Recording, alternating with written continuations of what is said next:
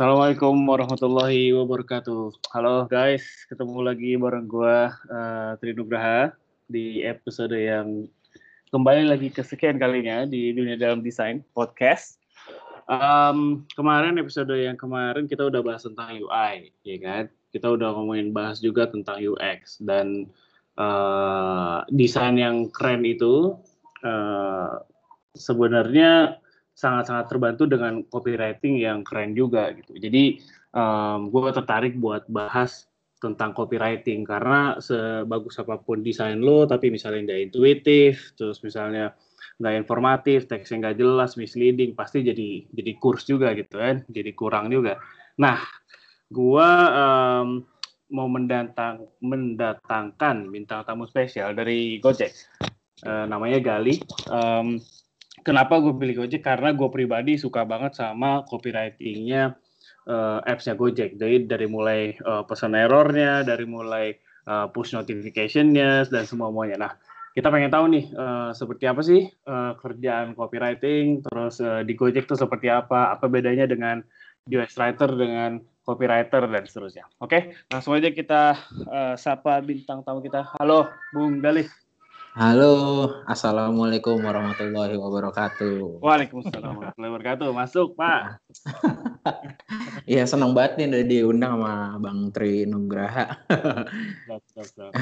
Ini katanya lagi di kantor tadi ya? Iya, belum pulang, hujan. Kasih, siap, siap. Oke, mungkin langsung aja, uh, Om Gali. Apa gue manggilnya apa nih? Gali, Gali. Gali aja, Gali aja. Uh, mungkin bisa cerita secara singkat tentang apa ya uh, lu sendiri, terus background lu apa, terus kok bisa sampai sekarang jadi UX writer di Gojek. Monggo, silakan. Uh, Oke, okay. uh, uh, nama gue Gali. Nah, uh, sekarang gue jadi UX writer di Gojek. Dulu itu background gue uh, advertising, uh, kuliahnya juga advertising. Uh, apa ya kita mulai dari mana ya? Jadi Gojek nih bisa dibilang uh, kerjaan pertama gue juga di perusahaan gitu. Karena sebelumnya uh, gue remote working gitu buat startup uh, dari Singapura. Namanya DocDoc kayak buat booking rumah sakit gitu kan. Terus sebelumnya lagi uh, gue juga jadi copywriter di advertising agency gitu di uh, bikin-bikin iklan gitu kayak Indomie uh, Sampurna Ijo gitu-gitu Mm-hmm. Jadi selama di, di agency itu lo lebih ke kayak misalnya ngurusin copywriting di TVC atau di billboard atau? Ya di di TVC ya, uh, terus uh, di billboard ya, uh, dua-duanya sih. Terus gimana nih uh, apa namanya uh, ceritanya bisa apply ke Gojek atau lo disamperin apa gimana? Uh, dulu itu uh, gue uh, apply ke Gojek ya jadi copywriter buat marketing gitu. Cuman waktu itu uh, emang apa namanya uh, ditawarin sama rekruternya eh lo mau coba nggak ke apa di di apa jadi copywriter tapi di app gitu? Terus hmm. gue nggak tahu kan hah emang ada ya? Gitu. Gue juga baru tahu gitu kan. Hmm. kayak gue oh uh, ya udah boleh deh gitu. Karena karena gue nggak tahu itu apa jadi kayak menarik aja gitu. Oh boleh ini dicoba gitu kan. Dan nah, lo orang gue, pertama di role itu di Gojek? Iya iya gue orang pertama di role itu sedap nah kebetulan waktu itu ketemunya uh, si Momo jadi yeah. apa kayak ngobrol nyambung oke okay, gue join gitu kayak dia bisa meyakinkan gue untuk oke okay, uh, eh, apa uh, eh, gue coba deh role ini gitu ini sih. Gitu. Terus sejak saat itu uh, udah udah punya tim apa gimana sekarang ngurusin app? Apa lu doang di sendiri? Oh, uh, untuk tim writernya? Uh -uh. Oh, untuk tim writernya sekarang udah ada udah ada lumayan banyak sih ada ada total tuh 12. I see, I see. Uh, uh. Oke, okay, mungkin kita akan uh, lebih dalam ke sana nanti. Hmm. Tapi hmm. Uh, mungkin kita mulai dari kan banyak nih pas kemarin hmm. gua nanya-nanya followersnya DDD dia bilang um, hmm. mulai dari yang basic banget dong jelasin dong apa sih uh, UX writer bedanya sama uh, copywriter atau sekarang istilahnya hmm. content writer tuh apa sih gitu lo hmm. bisa bantu jelasin nggak? Oh, Oke okay. bisa sih. Jadi uh, kita mungkin gue mulai dulu dari sebenarnya UX writer tuh ngapain kali ya? Yes. yes. Uh, jadi kayak sebenarnya penjelasan simpelnya sih kayak uh, UX writer itu uh, apa ya kayak orang-orang yang memandu user supaya bisa pakai aplikasi dengan baik melalui copy yang ada di interface gitu. Nah kalau misalnya contohnya tuh kayak misalnya kalau misalnya uh, lo pernah pakai GoRide misalnya, mulai dari copy mau ke mana hari ini, terus sampai lo pesen, terus sampai dapat notifikasi kayak, oh dapat driver nih gitu, driver bakal segera jemput lo ya gitu. Nah terus oh, oh ya drivernya udah sampai. Nah terus lagi sampai nanti tripnya udah selesai gitu kan sampai lo udah nyampe ke tujuan lo ya terus ditanyain kan kayak uh, apa gimana? Apa mau mau ngasih rating ke driver? Ada pesan yang mau disampaikan? Nah gitu sih. Jadi dari dari awal mulai masuk ke aplikasi sampai lo selesai nah itu uh, ibaratnya kayak lo dipandu sama uh, si UX writer ini gitu. Nah itu sih uh. kerjaannya. Uh. hmm terus terus terus, terus ya, ya, ya. terus um, berarti uh, apa namanya lu kayak secara holistik gitu ya kayak end to end storytelling gitu ya sebenarnya iya sebenarnya kayak kayak ngobrol sih kayak teman yeah. ngobrol ya iya yeah. sih maksud gue maksud gue bukan cuman kayak sekedar um, eh uh, gue mau bikin halaman ini nih bikin bikinin kata-kata buat buttonnya nggak gitu ya tapi lebih ke iya. holistik gitu ya Iya, iya. Sebenarnya kayak kayak kayak kayak produk designer juga gitu. Cuma uh, outputnya lebih ke uh, copy. I see. Hmm. Lu di, di, dilibatin dari sejak kapan sih prosesnya? Kan misal nih um, hmm. kalau di uh, misalnya di Tokopedia atau misalnya gue di Indosat kan mulainya dari si produk ownernya atau produk manajernya bikin hmm. konsepnya nih. Nah itu hmm. lu UX writer jump in langsung di situ apa nanti pas bareng si desainer kerjain gitu? Hmm kalau misalnya uh, gua kemarin sih uh, apa kemarin tuh gue jadi oke okay, kita mau bikin uh, produk ini kan. Misalnya produk A. Nah terus uh, dari diskusi awal itu uh, diskusi awal-awal kita udah duduk bareng sama uh, desainernya sama hmm. PM-nya sama uh, apa namanya researchernya sama interaction designernya sama ilustratornya gitu-gitu. Jadi kita uh, ngobrol nih sebenarnya uh, kita mau bikin kayak gimana nih misalnya. Terus uh, uh, gimana ya? Jadi kan sebagai user experience writer kita kan bertanggung jawab buat ngejaga user experience si pengguna itu kan tetap oke okay, gitu kan. Yes. Nah untuk untuk ngejaga itu kita kan mesti apa mesti kenal lah sama usernya itu siapa sih gitu kan. Yes. Terus motivasi dia pakai produk kita tuh apa dan problems yang mereka hadapin tuh apa sehingga kita bisa hmm. ngarahin ngasih arahan yang benar gitu kan. Ya hmm. kayak kalau kalau di analogin tuh kayak customer service aja. Kita kan lebih seneng kalau ngobrol sama customer service yang memahami kita sebagai customer ya enggak jadi nggak cuma template gitu. Jadi kita uh, uh, apa semuanya ikut dari awal buat dapetin konteks uh, oke okay, usernya seperti apa problemnya seperti apa gitu kan. Dari research terus kita kolaborasi juga uh, sama product designer buat ngebikin flow-nya yang enak kayak gimana terus hmm. kita ngecraft oh cara kita berkomunikasi gimana ya gitu di dalam app uh, kolaborasi sama ilustrator juga karena kan uh, ketika kita uh, berkomunikasi kan uh, sebenarnya nggak cuma copy tapi visual juga uh, apa juga ikut serta gitu kan terus hmm. kita juga apa uh, tektokan sama developer dan QA-nya buat mastiin copy-copy yang kita bikin itu uh, apa namanya keluarnya benar di aplikasi gitu. I see sih. Berarti um, sebagai para UX writer ini harus dapat input eh output dari si researcher ya sebagai input buat si UX writer gitu ya? Ya, jadi sebenarnya uh, uh, apa namanya ada apa ya kayak kita barengan apa tektokan banget sih dari uh, researcher, product designer, hmm. UX writer, interaction semuanya PM. Jadi kayak supaya uh, semua satu tim yang ngerjain produk itu dapat konteksnya. I see, I see, I see. Hmm. Oke, okay, so uh, berarti mungkin kalau bisa dibilang langkah pertama itu buat buat dapetin konteks gitu ya? Yes, benar. Nah, terus setelah itu gimana nih? Uh, sequence-nya kerjaannya user letter tuh ngapain? Apakah bikin um, outline atau langsung jump in uh, diskusi sama product design buat uh, ngatur flow atau gimana? Hmm. Ya, jadi abis abis oke okay, kita ada oh kita udah tahu nih ceritanya nih uh, usernya tuh kayak gini, problem yang dihadapin tuh kayak gitu dan kita mesti gimana. Nah, terus abis itu kan product designer kan ngulik ini ya kan wireframe ya kan. Yoi, yoi. Nah, abis itu dilempar ke tim kan. Nah, tim tuh uh, bisa ngasih feedback juga ke product designer jadi kayak oh menurut menurut uh, menurut gue hierarchy of informationnya tuh mestinya kayak gini mestinya kayak gini uh, dan kalau apa jadi uh, kolaboratif banget gitu bisa tektokan gitu kan terus nah abis dari dari oke okay, wireframe udah kelar kan kita mulai uh, ngecraft tuh UI-nya hmm. terus dari dari dari situ juga copy copy kopinya coba kita udah explore tuh di UI langsung hmm. uh, di mockupnya gitu kan terus sama ilustrasinya juga uh, udah mulai kita masuk-masukin gitu. Kayak gitu sih. I see. Terus hmm. um, banyak yang penasaran sih, gimana sih lu cara nentuin gaya bahasa? Kan mungkin Gojek uh, hmm. dipakai semua orang kan dari tua sampai hmm. muda gitu. Hmm. Dan lu nggak bisa bikin eh, gue gak tahu ya apa mungkin di Gojek super hmm. smart yang kalau dia detek umur sekian, kompetensi sekian, gue rasa enggak ya kayaknya ya. Hmm. Iya, Tapi kalau uh, nah lu gimana cara nentuinnya? Gue mau pakai bahasa yang ini nih, uh, terserah hmm. mau tua muda, kayaknya cocok itu gimana sih? Iya karena uh, apa namanya uh, kita uh, apa namanya ngelihat sebenarnya porsi porsi terbesar dari usernya itu uh, siapa sih gitu dan kita beraniin buat oke okay, kita tembak ke situ gitu. Oke. Okay.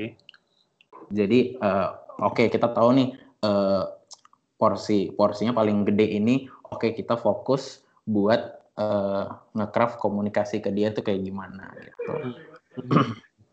Terus kayak misalnya uh, gunain slang kan uh, ya kalau gue hmm. lihat uh, kalian nggak nggak terlalu baku-baku banget gitu ya. Mm -hmm. Nah itu sebenarnya egonya si uh, eh, UX writer-nya apa emang itu bahasanya si target user? Uh, kita sih kemarin kan pengen bikinnya uh, apa namanya biar relatable juga sama sama hmm. sama, sama si sama target kita kan. Jadi kayak oke okay, uh, gue mau pakai bahasa yang uh, dipakai juga sama mereka gitu. I see. Supaya berasa deket gitu kan.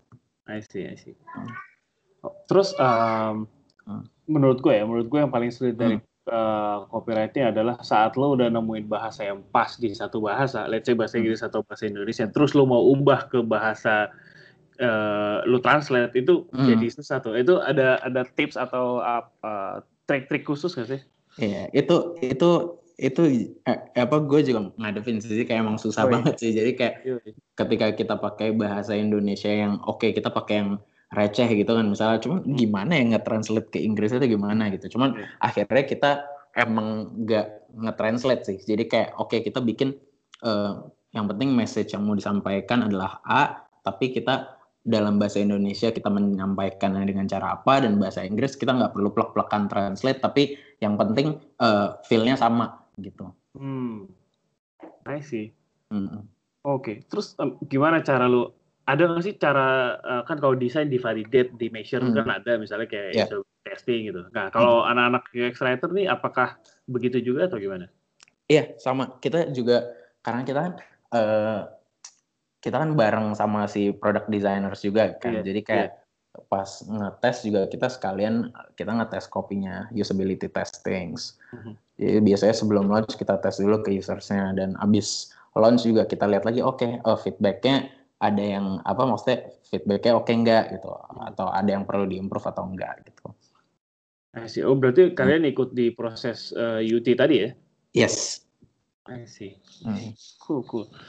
Um, terus banyak juga nih followernya DDD yang hmm. kayak baru tahu gitu kan, oh ada ya namanya hmm. UX writer gitu. Hmm. Um, mungkin bisa kasih ini ya sih kayak uh, apa namanya tips-tips ke mereka gimana sih kalau gue mau start as a UX writer ada referensi atau gimana referensi buku or something hmm.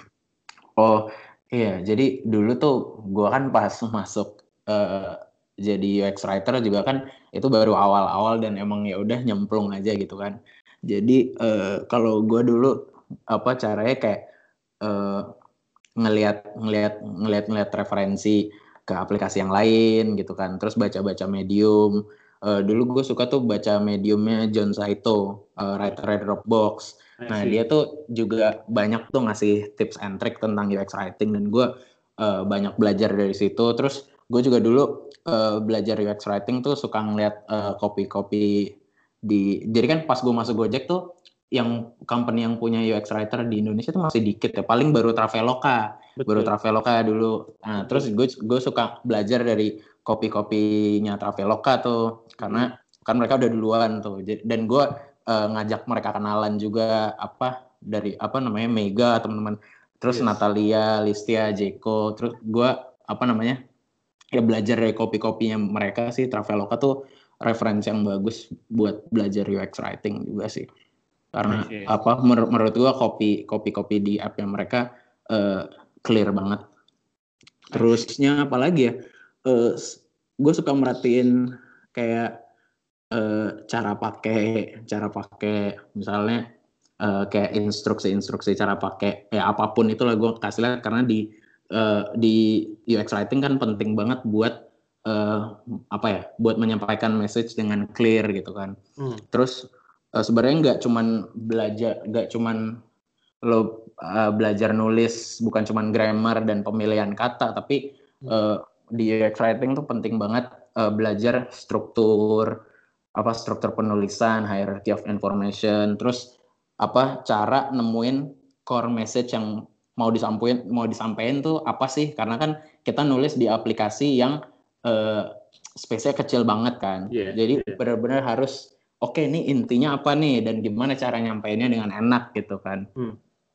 uh, ya terus yang gak kalah penting juga belajar soal uh, ada apa sih sebenarnya di dalam industri UX sendiri gitu kan belajar uh, product design juga harus ngerti juga kan product yes. design dan research jadi supaya oke okay, uh, eh, dapat nih mindsetnya kerja di industri UX tuh gimana sih gitu kan hmm. karena kita uh, wal apa karena kita nulis untuk uh, produk gitu kan hmm. Iya, gitu sih kurang lebih. I see, menarik, menarik. Terus uh, sekarang yang tadi lo bilang misalnya ada ada lebih dari 10 orang gitu ya, itu hmm. pengaturannya gimana sih? Apakah uh, per modul atau gimana? Hmm. Oh, uh, kita baginya per produk sih. Karena kan Gojek kan produknya banyak kan. Ada okay. apa? Iya dari GoRide sampai GoPulsa gitu. Jadi kita okay. kita bagi-bagi. Oh, satu orang uh, satu tuh. Uh -uh. Satu orang satu. Jadi ada uh, ada beberapa senior gitu kan. Ada yang uh, yang lebih senior yang udah lebih lama di UX writing dia jadi yang nge-overview nge-overview aja gitu. I see. Jadi yang lainnya yang lainnya lebih ke writer dan yang seniornya jadi editor gitu. I see, I see. Hmm.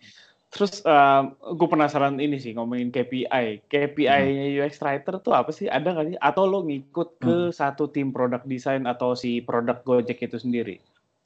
Nah kita lebih ke apa namanya? Eh gue takut konfidensial sih ini. Oh iya iya iya iya. Oke oke oke fine fine. Oke okay, oke. Okay. Uh, gini deh, gue gue ubah deh pertanyaannya. Uh, lo dinilai secara individual atau as a, a whole product? Jadi ada uh, produk apa sebagai uh, as a product dinilai dan uh, skill individualnya juga dinilai sih. Jadi kan ada kalau misalnya untuk individual ada ada kita ada ininya kan ada uh, apa ya achievement achievement yang eh ada target-target ada level-level yang harus dicapai gitu udah ada indikatornya gitu yes. Hmm. I see. Oke, okay. terus um, penasaran sama alignment sih, karena menurut hmm. gue pribadi gue ngelihat Gojek itu dari mulai apps-nya sampai misal gue naik kereta terus gue ngelihat iklannya Gojek di banner hmm. lah atau di hmm. Videotron itu menurut gue kayak satu suara gitu loh. Terus hmm. divisinya gue lihat Instagramnya. Nah, hmm. gimana sih cara lo atau UX writer alignment sama tim kreatifnya misalnya tim hmm. uh, desain tim videonya hmm. mungkin itu gimana sih caranya? Ya. Dulu sih sebenarnya lebih ke apa namanya kayak oke okay, kita ngobrol dan oke okay, kita sepakat nih di Gojek tuh kayak apa sih gitu kan. Mm-hmm. Jadi uh, oke okay, uh, eh, kita sepakat di satu direction yang emang uh, bisa gampang diturunin gitu. Jadi outputnya uh, bakal ya kurang lebih bakal sama sih walaupun nggak sama-sama banget tapi rasanya masih sama lah gitu. Oke, okay. jadi maksud kita ini tim apa nih? Tim Oh, iya. Jadi uh, sama align sama marketing sama brand oh, juga gitu. Hmm. Untuk nentuin oke okay, kita directionnya sebenarnya Gojek tuh kayak apa sih nah gitu. I see. I see. Terus uh, siapa yang bagian apa ya kontrol monitor gitu kan bisa aja kan lu kumpul, oke okay, hmm. udah di brief terus lu masing-masing gitu. Nah itu ada bagian kontrolnya gitu nggak sih? Di mana nih? Uh, di... di di misalnya tadi kan udah bilang, oh kita joknya receh, copywritingnya hmm. misal. Hmm. Terus kan semua balik ke tim masing-masing, produk hmm. kayak writer ke produk, terus ada hmm. yang ke marketing. Nah itu cara lainnya gimana? Apakah ada hmm. sync up ketemuan, or ada polisinya, apa gimana? Oh, enggak sih. Kalau misalnya di kalau di tim UX writernya sendiri sih, karena udah ada ini kan ada editornya tadi yang yang lebih senior untuk oh, uh, ngontrol outputnya gitu. Jadi kayak oke okay, mastiin outputnya uh, sesuai sama direction yang udah ditentuin. Dan hmm. itu di review setiap sebelum launch gitu. Iya, jadi se se sebelum sebelum uh, nggak apa ngeluarin kopi ke app selalu di review sih. Oh, keren, hmm. keren, keren. Oke, oke, okay. nice, nice, nice. Um, oke, okay, gue coba lihat-lihat ini ya uh, pertanyaan yang sempat. Boleh, boleh, boleh, boleh. Di submit sama anak-anak hmm. follower nih. Um, hmm. Oke, okay. kalau di Gojek itu uh, yang ngurusin copywriting itu berarti kalau UX writer di produk, tapi kalau mm -hmm. di tim marketing apa tuh namanya? Content writer apa copywriter? Jadi kalau apa namanya? Kalau misalnya di di produk kan UX writer. Nah, kalau di yang iklan, marketing hmm. gitu-gitu ya copywriter biasa. Copywriter. Hmm. Oke. Okay. Tanya yang kedua nih. Um, kan kalau misalnya sebagai desainer gampang nih bikin portfolio, gue kasih hmm. aja screenshot desain gue. Nah, ada yang nanya nih, gimana cara bikin portfolio sebagai UX writer?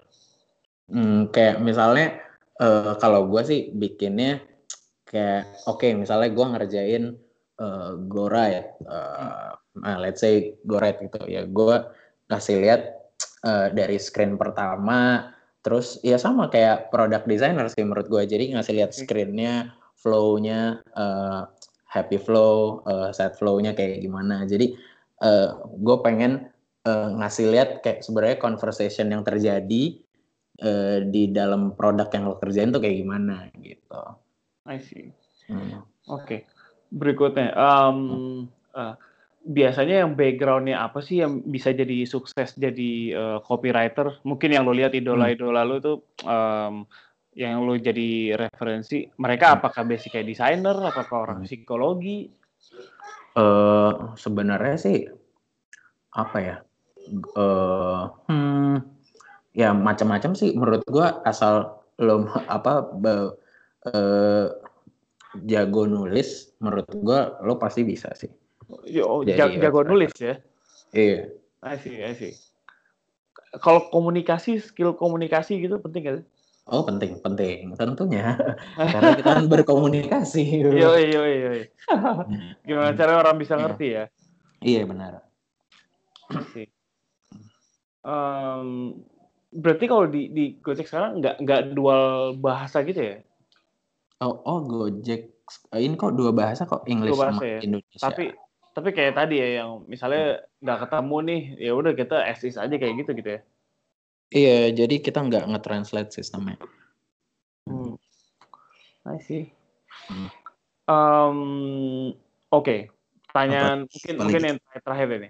Um, apa sih yang paling bagian paling susah di di di proses copywriting? Uh, proses copywriting. Uh, kalau menurut gua ini dari apa dari pengalaman gue ya. Yeah, Jadi yeah. kadang-kadang uh, writer itu suka langsung lompat ke crafting. Oke, okay, gue mau nulis mau nge-craft tulisannya kayak gini, tapi lupa untuk uh, meramu core message-nya. Hmm. Jadi sebenarnya yang paling penting itu menurut gua adalah lu sebenarnya mau nyampein apa dulu hmm. baru berangkat ke crafting kayak gitu sih. I see. -hmm. Nah di si proses itu lu menuliskannya juga nggak sih kayak lu nulis dulu nih kayak uh, kan kalau di hmm. desain misalnya problem statementnya ini gitu. Hmm. Ya, ya, ya itu itu kadang kalau misalnya uh, apa namanya uh, keadaannya agak kompleks misalnya banyak banget yang mau disampaikan gitu Itu Ah. kadang-kadang gue suka nulis, cuman kalau misalnya cuma beberapa kayak dipikirin aja, Oh, dipikirin aja gitu sih. I see. Terus kayak misalnya kolaborasi kan kadang uh, Hmm. UI anak UI atau anak UX designer ada ada Hmm. pendapat sendiri nih tentang Hmm. teksnya harus yang ini nih. Nah itu lo cara managing uh, siapa yang ambil decision itu kayak gimana sih? Oh kalau misalnya ada kayak beberapa pendapat gitu ya, Yoi, yoi. biasanya sih kita oh ya udah deh kalau misalnya emang eh, apa namanya daripada ribet kita tes aja gimana gitu. Jadi kita eh, apa namanya ya ngetes aja sih ngetes. Oke lihat nih apa d- apa eh, ya lebih lebih banyak apa lebih banyak yang pilih yang mana dan kita eh, bedah lagi gitu. Hmm, I see, I see. Jadi kayak um, semacam UT atau A/B testing juga ya? Iya, benar benar benar. Biar Itu- gak ya, biar gak jadi debat kusir aja gitu. Yoi, yoi. Itu ke ke user langsung apa ya internal aja udah? Iya, kita gerilya sih. Jadi kayak apa namanya? eh, kan kalau misalnya nyari orang kita tinggal turun kan di bawah di bawah rame gitu. Oke, rame Orang- banget orang- ya. blok Iya di ya. bawah iya di bawah rame orang pada ngerokok ya udah kita turun aja deh tanyain gitu. Oh.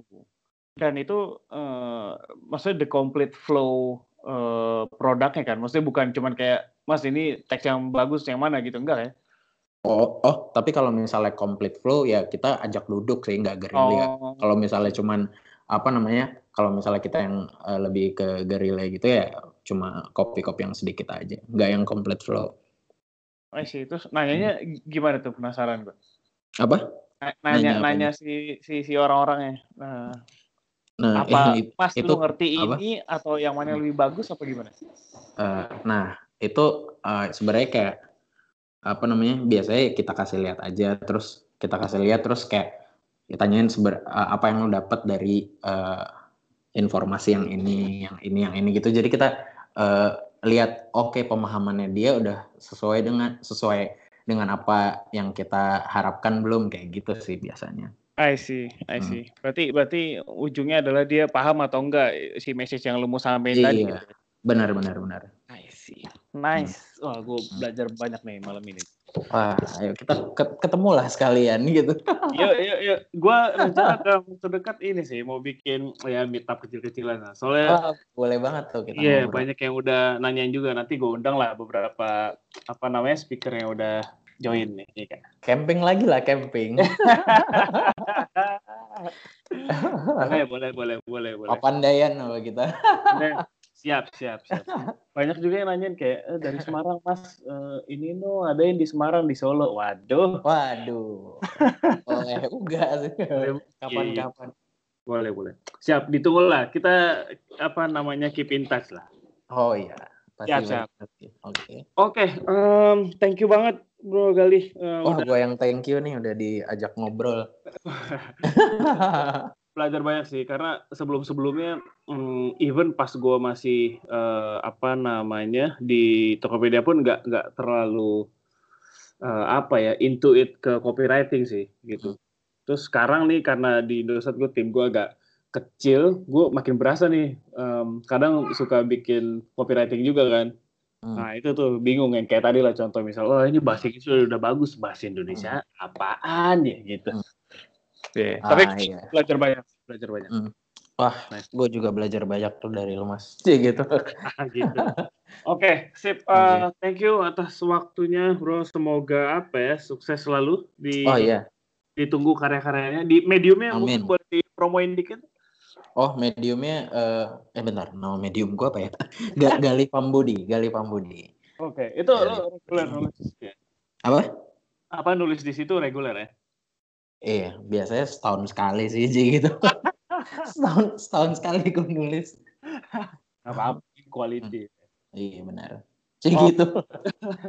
Oke, sip. Uh, thank you Om Gali. Sampai bertemu lagi mungkin di meetup insya Allah kita bisa Ya, ketemu Insya lagi. Allah.